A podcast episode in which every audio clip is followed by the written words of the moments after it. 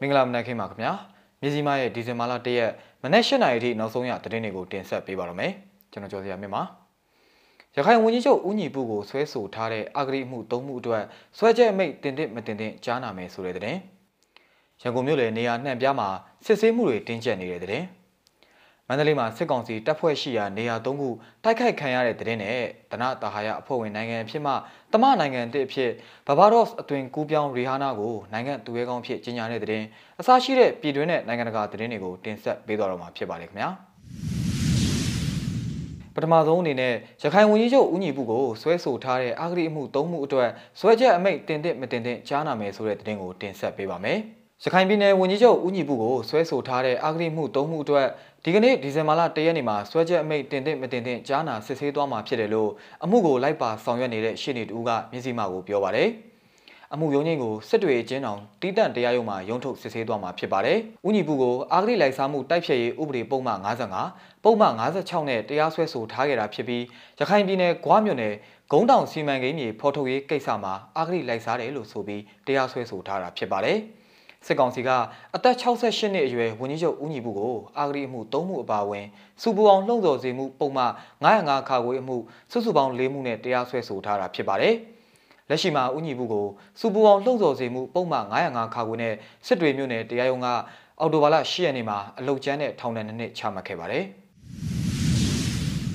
ဆက်လက်ပြီးရန်ကုန်မြို့လယ်နေရာနှံ့ပြမှာစစ်ဆေးမှုတွေတင်းကျပ်နေတဲ့တဲ့တင်ကိုတင်ဆက်ပေးပါမယ်။ ရန်ကုန်တိုင်းဒေသကြီးရန်ကုန်မြို့လယ်နေရာနှံ့မှာနိုဝင်ဘာလ30ရက်မနက်ပိုင်းကစတင်ပြီးစစ်ကောင်စီကစစ်ဆေးမှုတွေတင်းကျပ်နေတယ်လို့မြို့ကန်တချို့ထံကနေသိရပါဗျ။နိုဝင်ဘာလ30ရက်နေ့မနက်ပိုင်းကစီတီမော့ရှိပြည်လမ်းမပေါ်မှာလမ်းတစ်ချမ်းပိတ်ကစစ်ဆေးခဲ့တယ်လို့လမ်းမတော်မြို့နယ်အနော်ရထားလန်တင်ဖြူကုန်းတရာပဇွန်တော်မြို့နယ်ရေကျော်မှာရှိတဲ့ချစ်တီးထမင်းဆိုင်ရှိဘိုးမြတ်ထွန်းလန်းနဲ့ဗန္ဓုလတရာအစင်စားတဲ့နေရာတွေမှာစစ်ဆေးမှုတွေပြုလုပ်နေတာဖြစ်ပါတယ်။ ကားလမ်းတွေတော့တော်တော်ပိတ်နေတယ်။ဘာတွေစစ်နေတာလဲတော့မသိဘူး။မတင်ငါရင်ဖုန်းတွေလည်းယူစစ်တယ်လို့မျိုးရဲနေသူတူကပြောပြပေမဲ့စစ်ဆေးမှုကိုမြေတိအတွက်ကြောင့်လှုပ်ဆောင်နေတာကိုတော့မသိရှိရသေးပါဘူး။ရန်ကုန်မြို့မှာဆန္ဒပြမှုတွေရှိလာတာကြောင့်တင်းကျပ်စစ်ဆေးမှုတွေရှိသလိုစစ်ကောင်စီကရန်ကုန်မြို့တွင်းမှာရခိုင်ကကဲ့သို့ကားလမ်းပိတ်တွေအထိပုံမှန်တိုင်းသွာလာနေကြတွေကိုပြသလိုတာကြောင့်မြို့တွင်းမိပွိုင်တွေကိုကြာကျင်တစ်ခုတတ်မှတ်ထားတာကြောင့်ကားပိုပိတ်ကြောင်းတက်ဆီရင်မောင်းတူကမှတ်ချက်ပြုပြောကြားပါရယ်။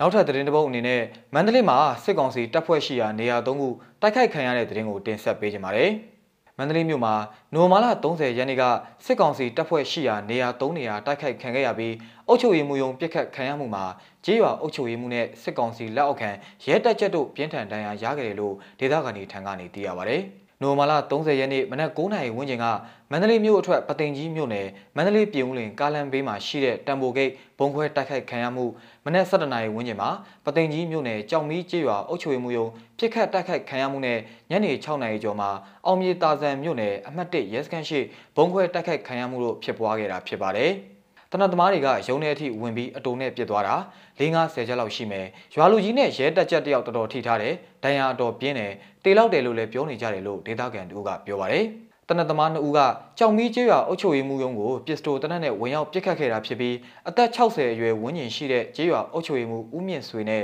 စစ်ကောင်စီလက်အောက်ခံရဲတပ်ဖွဲ့ဝင်တို့တို့ခန္ဓာကိုယ်အလဲပိုင်းမှာအပြင်းထန်ဒဏ်ရာရရှိခဲ့တာဖြစ်ပါတယ်။တံပိုဂိတ်ဘုံခွဲတိုက်ခိုက်ခံရမှုနဲ့အမတ်တဲ့ရဲစခန်းရှိဘုံပေါက်ကွဲဖြစ်စဉ်တို့မှာလူအထိခိုက်မရှိဘူးလို့လည်းလက်တလောရရှိထားတဲ့သတင်းတွေအရသိရပါတယ်ခင်ဗျာ။ ဒနတဟာယအဖွဲ့ဝင်နိုင်ငံဖြစ်မှတမနိုင်ငံအသစ်ဖြစ်ဘဘာဒေ့စ်အသွင်ကူးပြောင်းရီဟာနာကိုနိုင်ငံသူရဲကောင်းဖြစ်ကြေညာတဲ့နိုင်ငံတကာသတင်းကိုလည်းရှုစားရအောင်ပါ simultaneously as the all colors are marched off the parade လွတ်လပ်သောဗြိတိရှဒနတဟာယအဖွဲ့ဝင်နိုင်ငံဟောင်းဘာဘာဒေ့စ်ဟာနိုဝင်ဘာလ30ရက်အင်္ဂါနေ့ညသကောင်ရံမှာဒုတိယအဲလစ်ဇဘက်ဘုရင်မကြီးကိုနိုင်ငံအုပ်ဆောင်အဖြစ်ကဖယ်ရှားပြီး တမ္ပတနိုင်ငံတော်သစ်အဖြစ်ကြီးညာခြင်းအခမ်းအနားကိုကျင်းပခဲ့ရမှာတားတော်ချားစ်မင်းသားလည်းတက်ရောက်ခဲ့ပါတယ်။အဆိုပါတမိုင်းဝင်အာဏာလွှဲပြောင်းခြင်းအခမ်းအနားမှာ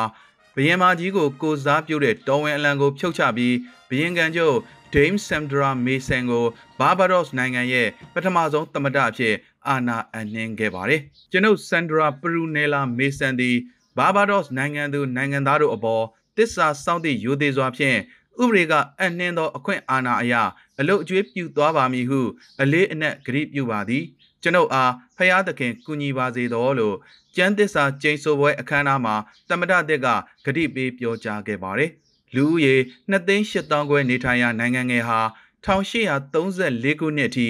နှစ်200ကျော်ကျွန်ပြုခံရခြင်းအပါအဝင်ရာစုနှစ်ချီတဲ့ပြည်ထိုင်နိုင်ငံရဲ့ဩဇာအာဏာအောက်ကလွတ်မြောက်ပြီးခေတ်သစ်တစ်ခုကိုအစပြုလိုက်ပြီးဖြစ်ပါတယ်။ နိုင်ငံနဲ့အဝန်းကပြည်သူပြည်သားတွေပျော်ပွဲဆင်နိုင်အောင်နဲ့နိုင်ငံရဲ့တမိုင်းဝင်အသွင်ကူးပြောင်းမှုကိုဂုဏ်ပြုသောအားဖြင့်မိရှုမိပန်းတွေပြစ်ဖောက်နိုင်အောင်ကံရောဂါကြောင့်ကာလတာရှည်ချမှတ်လာတဲ့ကာဖျူးအမိန့်ကိုဆိုင်းငံ့ပေးခဲ့ပါတယ်။သမ္မတနိုင်ငံသစ်အဖြစ်ကြီးညာတဲ့နိုင်ငံဂုဏ်ရင်အခမ်းအနားကိုဘာဘာဒေ့စ်ရဲ့အကျော်ကြားဆုံးနိုင်ငံသူအဆိုတော်ရီဟာနာလည်းတက်ရောက်ခဲ့ပါတယ်။ pop ဂီတကျယ်ပွင့်ဖြစ်တဲ့ရီဟာနာကိုနိုင်ငံသူရဲကောင်းအဖြစ်ဝင်ကြီးချုပ် မီယာမော့လီကကြေညာခဲ့ပါတယ်။နိုင်ငံထိပ်တန်းခေါင်းဆောင်တွေနဲ့အတူရီဟာနာတက်ရောက်ခဲ့တဲ့အဆိုပါနိုင်ငံဂုဏ်ရင်အခမ်းအနားကိုပြည်သူအများစုတက်ရောက်ခွင့်မပြုဘဲစေးပြအခမ်းအနားတွေဂုံပြုမြင်းစည်းတက်တွေနဲ့တနက်တွေပြစ်ဖောက်ပြီးအခမ်းအနားကိုရုပ်သိမ်းခဲ့ကြောင်းသိရှိရပါတယ်။